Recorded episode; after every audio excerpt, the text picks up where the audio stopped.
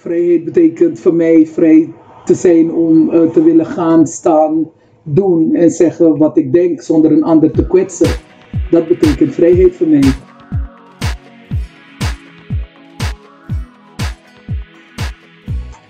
Hallo, welkom bij onze podcast Mensen in de Zorg. Ik ben Sarah. En ik ben Brigitte.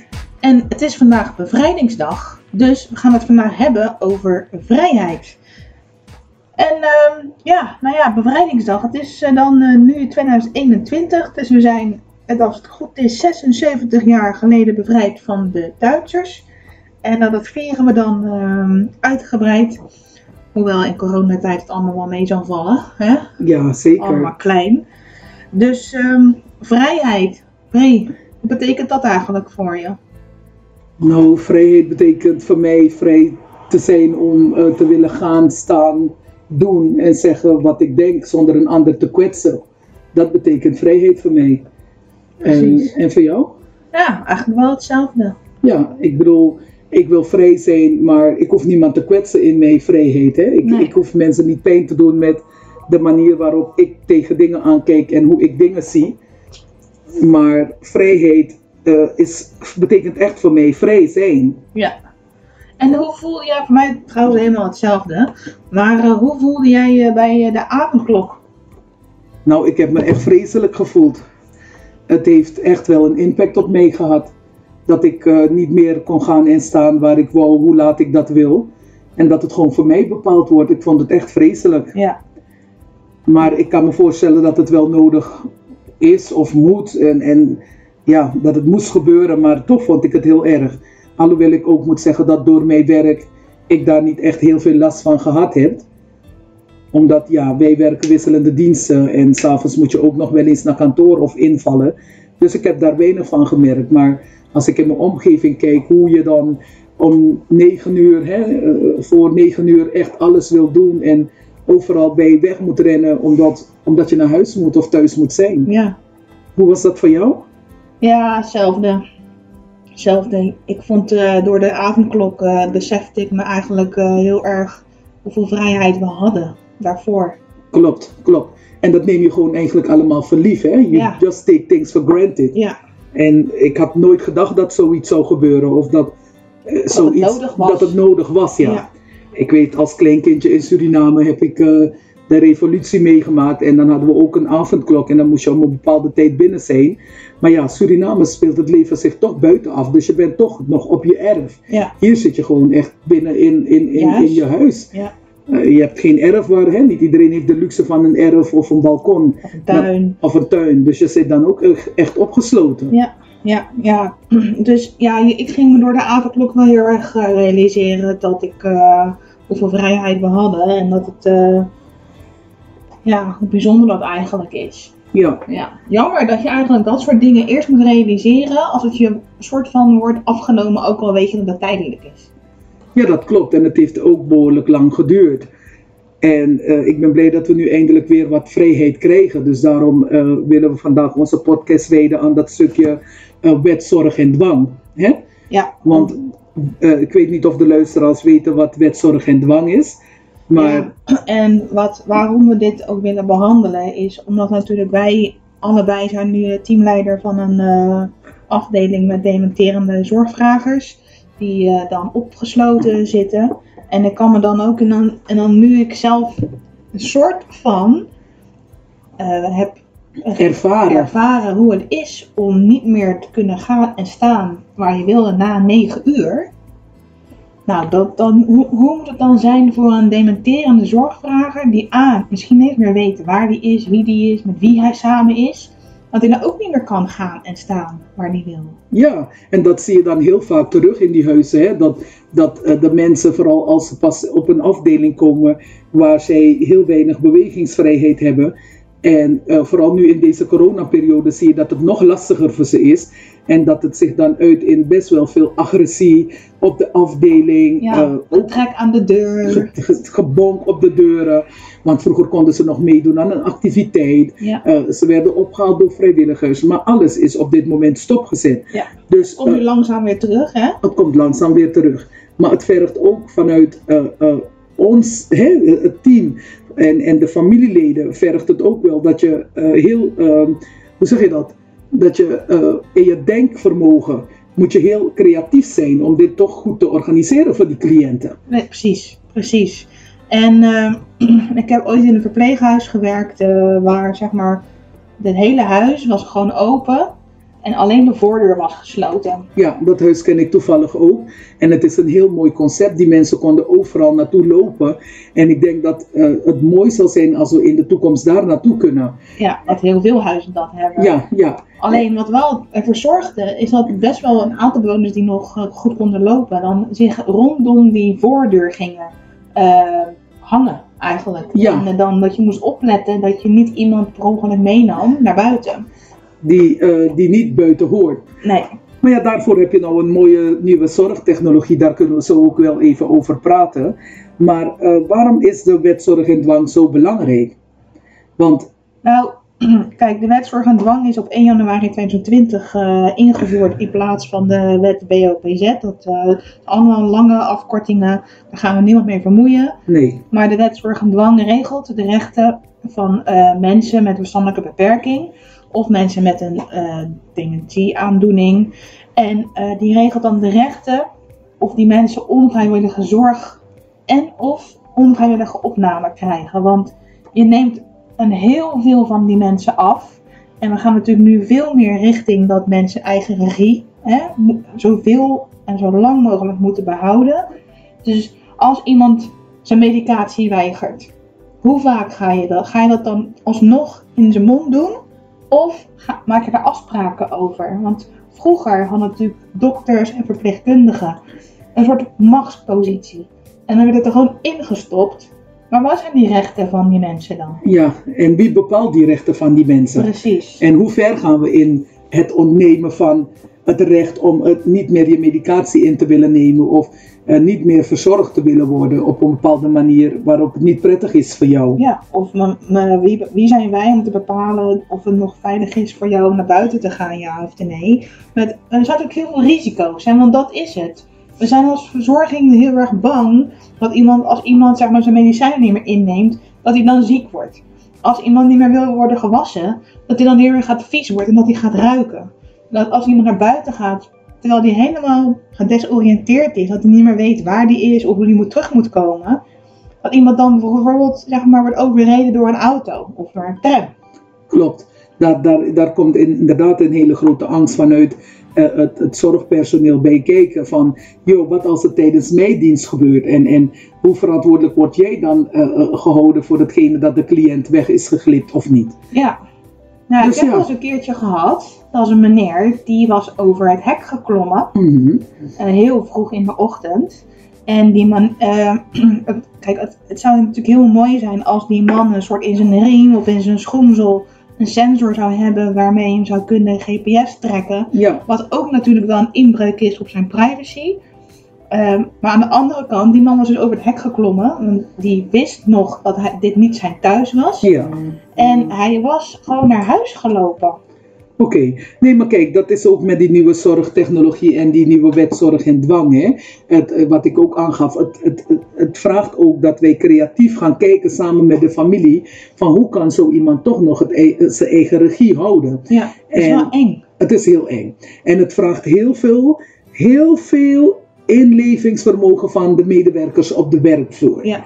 Maar hoe kunnen we nou die verbinding gaan, gaan vinden? Hè? Van wat, wat, wat de wet daarover zegt, eh, wat de familie vindt. eh, Wat de dokter ervan vindt. en hoe wij het zien, Ja, zonder dat ook andere mensen die niet eh, de weg terug kunnen vinden of niet meer weten waar hun eigen huis is, hè? Dat, dat, dat wij die op een makkelijke manier ook wel terug kunnen vinden. ja. ja, en er zit natuurlijk ook een heel groot stuk wel ook angst bij eh, het zorgpersoneel. Want, eh, als want het gaat ook al over, nou ja, eh, voor mensen die niet in de zorg werken. We hebben van die schitterende bedden in een verpleeghuis, waarvan je de bedhekken omhoog kan doen, zodat iemand niet uit bed kan vallen. Nou, vroeger, heel, heel vroeger, voordat we die, deze wetten allemaal hadden, kon de zuster gewoon bepalen: ik vind het eng, jij kan uit je bed vallen, dus ik ga die bedhekken omhoog doen Ja, zodat je niet uit het bed kan vallen. Maar wat zorgt er dan voor? Stel iemand wordt s'nachts wakker en die moet naar het toilet.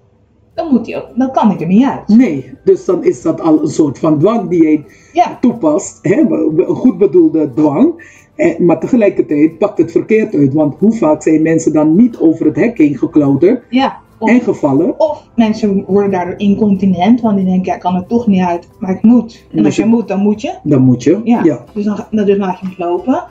En dat soms kunnen mensen ook zeg maar eh, zelf zeggen van ik voel me er prettig bij als mijn hek omhoog is. Maar die, die mensen kunnen vaak ook nog een, een belletje indrukken om de zuster s'nachts te roepen naar de Ja. wc te gaan. Ja, dan gaat dat over de somatische zorgvragers. Dan gaat dat over de zorgvragers die soms punt A zelf nog kunnen alarmeren. Of die zelf kunnen aangeven. Voor mijn eigen veiligheid vind ik het belangrijk. Ja, of kan een steuntje zijn om makkelijk omhoog te trekken natuurlijk. Precies, precies. Maar het- als het gaat over mensen die dat niet meer kunnen aangeven, dan eh, heb je natuurlijk een andere situatie. Maar dan kun je ook een, een sensor in de kamer plaatsen. Hè, die dan, eh nu moet je hem op een bepaalde hoek zetten. En als dan de benen bijvoorbeeld uit bed komen, dan gaat die sensor af en krijgt de nachtdienst krijgt dan een alarm op zijn eh, pieper Ja, op telefoon. En dan kan de nachtdienst daar naartoe gaan om te kijken wat er aan de hand is. Maar ook dat is weer een vorm van inbreuk. Want misschien diegene wel even zijn benen strekken. ja precies. En het, het geeft ook heel veel onrust bij het zorgpersoneel. Want als jij eh, ook, ook met het inzetten van een sensor moeten wij ook voorzichtig zijn. Want ook daar zegt wet zorg en dwang een heleboel over. Ja, je, je ontneemt ook iemand de vrijheid om in een kamer te bewegen. precies. Dus eh, wat die wet zorg en dwang ook eigenlijk inhoudt, is dat alles wat wij doen, wat onvrijwillig is, dat dat goed eh, medisch onderbouwd moet worden. Het moet zwart op wit terug te vinden zijn, ook gewoon in een zorgplan, Mhm. eh, eh, ondertekend door de familie en door de arts. Het moet, het moet zodanig dichtgetimmerd zijn dat iedereen weet of dat mag of niet. Ja. ja, en het moet ook heel erg vaak geëvalueerd worden. Want de situaties kunnen ook veranderen. Klopt. Het moet, geloof ik, minimaal elke drie maanden tegen het licht aangehouden worden. Of de, de, de toepassing van een bedhek of eh, iets onder dwang geven. Of dat nog steeds nodig is. Want, Of, ja, want anders blijf je gewoon op een situatie hangen. Terwijl het misschien niet eens meer nodig is. Nee, dus om de zoveel tijd moet je ook inderdaad die zorgplannen gaan evalueren.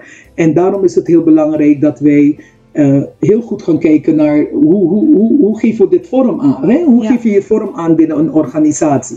Nou, het gaat natuurlijk vooral ook om zo'n stuk kennis. Van wat is vrijwillige zorg, wat is onvrijwillige zorg, Klopt. wat mag ik wel, wat mag ik niet. En als we bijvoorbeeld iets willen, nou laten we het even het voorbeeld nemen van eh bedhekken of van, eh, van die nacht, nachtelijke onrust bij dementerende bewoners. Ja, Als we dat voorbeeld gewoon eventjes eh ja, uitlichten, want er zijn wel honderden voorbeelden.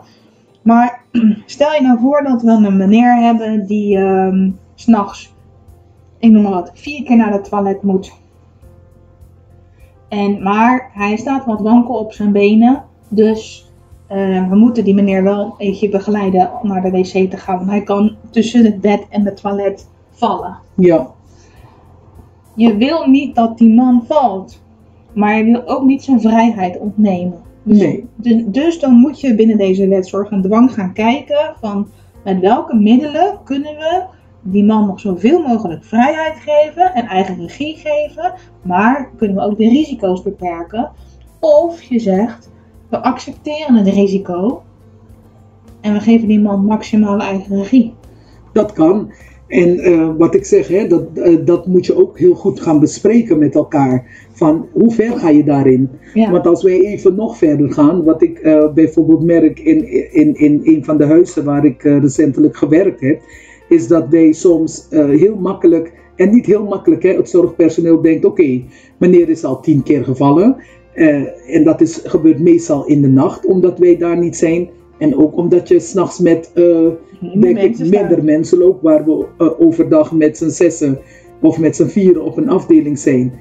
Nacht is er maar hoeveel procent aanwezig? Nou ja, het ligt er een beetje aan wat je, hoe je het hebt, hebt begroot. Maar vaak zie je op één etage één medewerker eh, lopen. En eh, zijn het mensen met een wat lichtere zorgvraag, dan heb je één op twee etages. Maar het ligt echt een beetje aan hoe je het ingericht hebt. Maar het is natuurlijk wel zo dat als je in je eentje bent op ehm 30 bewoners, dan kan je natuurlijk niet overal altijd zijn. Nee, en heel vaak willen ze ook dat als een alarmbel gaat, dat je binnen een kwartier op een alarm gaat reageren. Ja. Maar wat als eh, je in een huis bent waar er honderd uh, cliënten wonen, waarbij ze s'nachts maar met z'n tweeën of drieën lopen? Waarbij jij misschien toevallig bezig bent om een mevrouw naar het toilet te helpen. Die twee anderen die halen iemand van de vloer af omdat die persoon is gevallen, even zijn heup heeft gebroken. Uh, hoe, hoe doe je dat dan? En je krijgt daardoor ook heel veel uh, uh, boze families om je heen. Of, het, is een, het is een heel lastig onderwerp. Ja, is het ook. Want kijk, als, als, als we even gaan, nog meer gaan, gaan terug. Stel dat uh, mijn vader wordt opgenomen. Ja. Wil ik ook niet dat mijn vader valt. Nee. En zijn heup breekt. Nee. Aan de andere kant ben ik ook dat als je mijn vader gaat beperken in zijn vrijheid, dan wordt hij daar zagrijnig van. Want heel vaak komen ze van, joh, wat kom je hier doen? Wat kom je daar gaan doen? Ja, opdonderen, ga uit mijn kamer. Nou, hè? exact dat. Want ik ben gewoon even aan het... Je rommelen in mijn kamer. Of. Ja. En dan denk ik van ja, dus, dus, dan moet je ook zeg maar zelf, maar, en ook als uh, familie van, afwegen van nou, wat vind ik belangrijker. En, want als je mijn vader zeg maar s'nachts in zijn kamer aan het... het is niet zo hoor, mijn vader is nog echt hartstikke gezond, maar hè en hij gaat in zijn kamer lekker rommelen.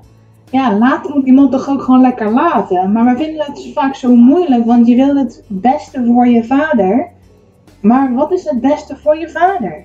En als het beste voor je vader is om hem te laten rommelen in zijn kamer, maar er is een risico dat hij uitglijdt omdat hij vergeten is om pantoffels aan te doen, ja, dan is er dus een kans dat hij zijn heup breekt. En als een, je vader op leeftijd is, dan is de kans dat je vader komt te overlijden na die heupbreuk, of dat hij weer helemaal gedesoriënteerd raakt of wat dan ook nog groter.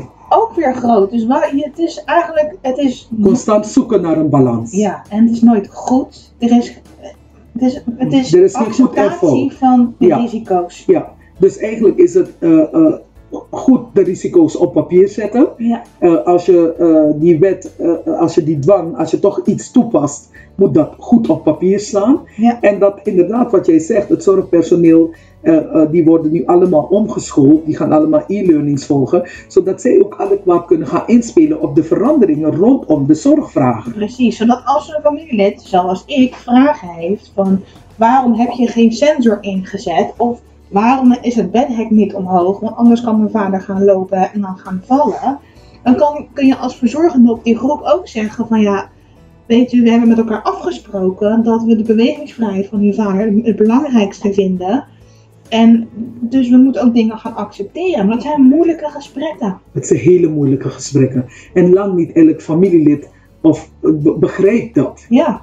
Omdat ze juist het beste... Ze willen niet dat hun vader valt. Ze willen niet dat hun vader pijn krijgt. Ze willen niet dat hun vader een heup breekt. Ze willen niet dat je vader, als hij oud is, geopereerd wordt. Want misschien vindt de dokter in het ziekenhuis het wel veel te risicovol om een oude Ja. man eh, te... En dan moet die man in pijn, uh, uh, met, met zijn pijn gaan leren leven daarop. Ja, dus het is allemaal zo moeilijk. Maar het begint vooral bij kennis eh, op de werkvloer. Dus het begint dat verzorgenden niet alleen een e-learning doen, maar ik vind ook dat verzorgenden en, en ook helpenden, maar ook gastvrouwen, Ja, klopt. iedereen moet weten van wat is haar of zijn rol bij deze wet.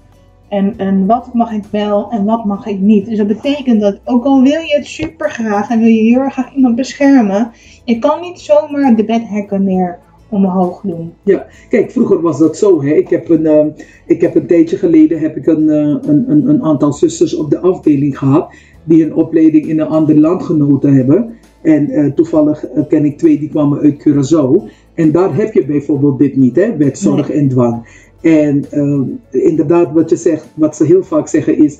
Um, Iedereen zegt dat we terug moeten naar het, naar, naar het oude. Ja. Een cliënt geeft aan en daar anticipeer je op. En, maar dan komt er iemand die zegt: hé, hey, hey, ho, ho, wacht eens even, je neemt iemand zijn vrijheid af. Dus voor die mensen was het soms ook wel heel erg lastig om aan hun uit te leggen: van wat houdt die, zorg, die wet zorg en dwang nou in? Want ik had bijvoorbeeld een zuster, die, uh, een meneer, die zat aan tafel te eten, maar iedere keer door die dwangbeweging die hij had, duwde hij zichzelf met die rolstoel iedere keer naar achter. Mhm. Waardoor hij niet aan tafel goed van zijn maaltijd kon genieten. Ja. Wat deed zij dus? Zij zette de rolstoel op de rem. Dat is logisch. Jij ziet dat hij naar achter gaat. Jij ziet dat hij daardoor niet rustig kan eten. Dus zij heeft de rolstoel op de rem gezet. Maar wat houdt dat dan weer in? Mhm. Zij heeft dus een, een dwangmiddel toegepast die eigenlijk niet mocht. En voor haar was het, het was moeilijk om aan haar uit te leggen waarom de regering dat zo wil. Mhm. En ik kan me ook voorstellen dat het ook lastig is voor zo iemand die eh, dementerend is, om te begrijpen van wa- waarom mag mijn rolstoel dan niet op de rem? Dat, snap je? Ja. Het is, het, is, het is echt heel lastig. Ja, dus je hebt ook al te maken met een soort met de eigen, met de eigen normen en waarden van de verzorgende zelf. Die natuurlijk denkt van ja, maar ik wil niet dat, eh, dat die meneer eh, die, die tafel continu op en neer. eh. Ja, er doen zitten ook anderen aan de tafel. Alleen, dan moeten we natuurlijk juist deze verzorgende uit gaan dagen. Maar wat kan je dan nog wel doen, zodat Ja. we niet die man op, slot op de rem zetten. Ja, Maar dat we misschien voor hem een tafel op wielen moeten gaan neerzetten. Ja. Zodat hij. of we moeten op een andere plek met die meneer gaan eten. ja, Of we moeten gaan onderzoeken waar die onrust tijdens het eten vandaan komt. Want misschien is het eten te heet. klopt. Dus het vraagt heel veel flexibele inlevingsvermogen van eh, de medewerkers op de werkvloer. En eh, wat dacht je van eh, medicatie voor onrust? Oh ja, dat is ook een dingetje. Psychofarmaca. Ja, dat is ook wel een Want dat, was al, dat werd al natuurlijk heel erg. eh, nou ja, dat, dat, we vinden allemaal dat je niet mensen pillen moet geven, denk ik, om pillen geven. Maar er zijn natuurlijk ook mensen die zo onrustig zijn op een afdeling. Dat je. ehm, ja, dat dat best wel eens lastig is. Ook omdat dat invloed heeft op de rest van de groep. Klopt, klopt. En Als- dan hebben we de neiging om daar ook een pilletje voor te geven, want dan is die persoon rustig. Maar in hoeverre is dat nou eigenlijk eerlijk? Ja, dat is een vraag die je stelt, hè? Van in hoeverre is dat eerlijk? Ja. Hoe ver mogen wij daarin gaan? Waar waren we gebleven? Want we gaan natuurlijk alle kanten op in dit hele verhaal. Eh, As die usual. As usual. Enfin, die eh, pilletjes die we dan geven tegen de onrust. Ehm, daar komen we in een andere podcast op terug. Want we hebben een hele toffe gast eh, uitgenodigd die alles weet over dat onrustig gedrag. Of mensen die heel erg aan het gillen zijn op de afdeling. Daar gaan we jullie ook echt helemaal over bijpraten. Kunnen we misschien even een tipje van de sluier eh, lichten wie wij dan uitnodigen? Oh, zullen we dat gewoon even doen? Ja, Oké, nou, we hebben binnenkort komt eh, Gert Pettinger eh, bij ons in onze podcast. Die heeft een boek geschreven over probleemgedrag. En hij heeft daar een nieuwe term voor. Dat heet het, eh, maar dat gaan we dan weer niet verklappen. dat gaan we niet verklappen. Maar dan gaan we nog verder hierover, eh, hier, Hierop in. hierop in, inderdaad. En dat wordt super tof. Hij heeft een heel mooi boek geschreven. En we gaan, eh dat gaan we wel vast verklappen. We gaan tijdens de podcast, gaat Geert gaat zijn boek voor ons signeren. Ja, En geven wij aan onze luisteraars vijf boeken weg. ja. Eh, en hoe je daaraan kan komen, ga je ook laten weten.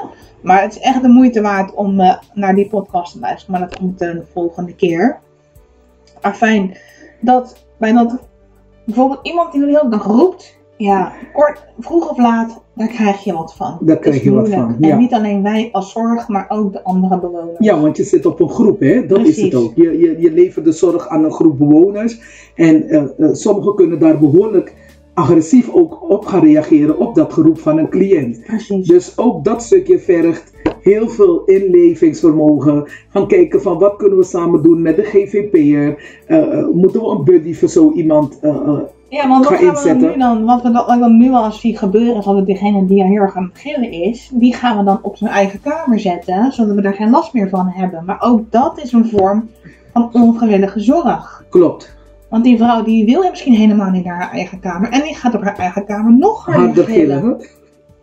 Klopt. Want er is een bepaalde vraag, een aandacht. En daarop moeten we gaan anticiperen. Exact. En dat is ook heel erg belangrijk voor de teamleiders om er ook goed bovenop te gaan zitten. Om Exact. samen in de MDO's met familieleden, met eh, eh, de, de, de medewerkers op de werkvloer constante gesprekken aan te gaan van wat kunnen we voor elkaar betekenen? Wat kunnen we doen voor zo'n cliënt? Maar luisteraars, even een vraag voor jullie. Sarah, stel jij even die vraag. Ehm, ja, jeetje, Brie. ehm, nou, de vraag die we hebben is van... Ja, nou, veel van onze luisteraars die werken zelf in de zorg of die hebben iets met deze zorg te maken. Is van, wat heb jij wel eens te maken gehad met onvrijwillige zorg? En welke vragen heb je daar nog over? En ehm, heb je nog voorbeelden? Of heb je voor ons nog tips hoe wij als teamleider jou goed kunnen helpen, zodat jij deze wet goed gaat begrijpen? Ja, En niet alleen eh, wij als teamleider kunnen doen dat, maar ook je arts en jouw psycholoog bij jouw afdeling kunnen je daar heel erg goed bij helpen. Eh, dus kom gewoon met vragen hierover. Gewoon inhoudelijk en wij gaan het gewoon uitzoeken en dan komen we bij jou op terug. ja, stel die vraag gerust op onze website. Van waar lopen jullie tegenaan? Hoe zouden jullie dit anders willen zien? Maar ook gewoon als jij zelf ouder bent en je kan het zelf niet meer bepalen. Hoe wil jij dan verzorgd worden? Of je voor je vader of je moeder. Klopt. Ja. Deze podcast hebben we gedaan omdat we natuurlijk bevrijdingsdag eh, daarbij stil willen staan. Eh, dat vrijheid een heel groot goed is voor ons allemaal. Maar besef dat ehm, vrijheid voor jouw zorgvrager net zo'n groot goed is als voor jou. Dus voordat je bes- besluit om iemand te dwingen, ook al heb je daar hele goede bedoelingen bij, doe dat niet zomaar. Ga eerst overleggen met je teamleider, met je collega en, en, met, de, en met de dokter sowieso. Want je mag het niet meer zomaar doen. En je moet het niet eens willen om het zomaar te gaan doen. Toch, Brie? Ja, klopt. En ik heb een hele mooie quote gevonden over vrijheid. Waar we onze wil kunnen gebruiken, is waar wij vrijheid kunnen vinden. En de vrijheid tot denken en handelen is de grondslag van het geluk. Vind je mooi? Wauw, de Hele grondslag mooi, hè? van het geluk. Grondslag van het geluk. En ik denk dat we met z'n allen zo ernaar moeten kijken. Ja, dat denk ik ook. Ja. En als we dit doen, denk ik dat we een heel eind komen met deze wet zorg en dwang. Denk het ook. Dus, um, en ook nog, weet je wel, Maya Angelou is ook hier weer van toepassing. When you know better. You will do better. Exact. Dus als je deze wet kent, kun je hem beter toepassen. Dus ga erin verdiepen. Het is misschien een beetje taaie kost, maar uiteindelijk is het weer, wel weer het beste voor je bewoner. En voor cliënt. iedereen, maar ook voor jou. Want eh, eh, je kan ook een stukje in jezelf kan je meegeven. En ik denk dat altijd als we het goed dicht bij onszelf houden in alles wat we doen, kunnen we de juiste liefde aan, en, en zorg aan onze ouderen geven. Welke leeftijd dan ook. Precies, want uiteindelijk blijven allemaal mensen. Ja, klopt. Nou, dames en heren, bedankt voor het luisteren. Kijk even op onze website www.mensindezorg.nl. Daar kun je eens een berichtje opsturen. Je kan ook mailen naar info.mensindezorg.nl. Eh, we zijn te vinden op Instagram en op Facebook. Ook daar kun je berichten achterlaten. En eh, nou, we hopen echt dat jullie ook eh, reacties eh, achterlaten. Want de mensen die reageren op onze podcast, die komen volgende keer gewoon terug.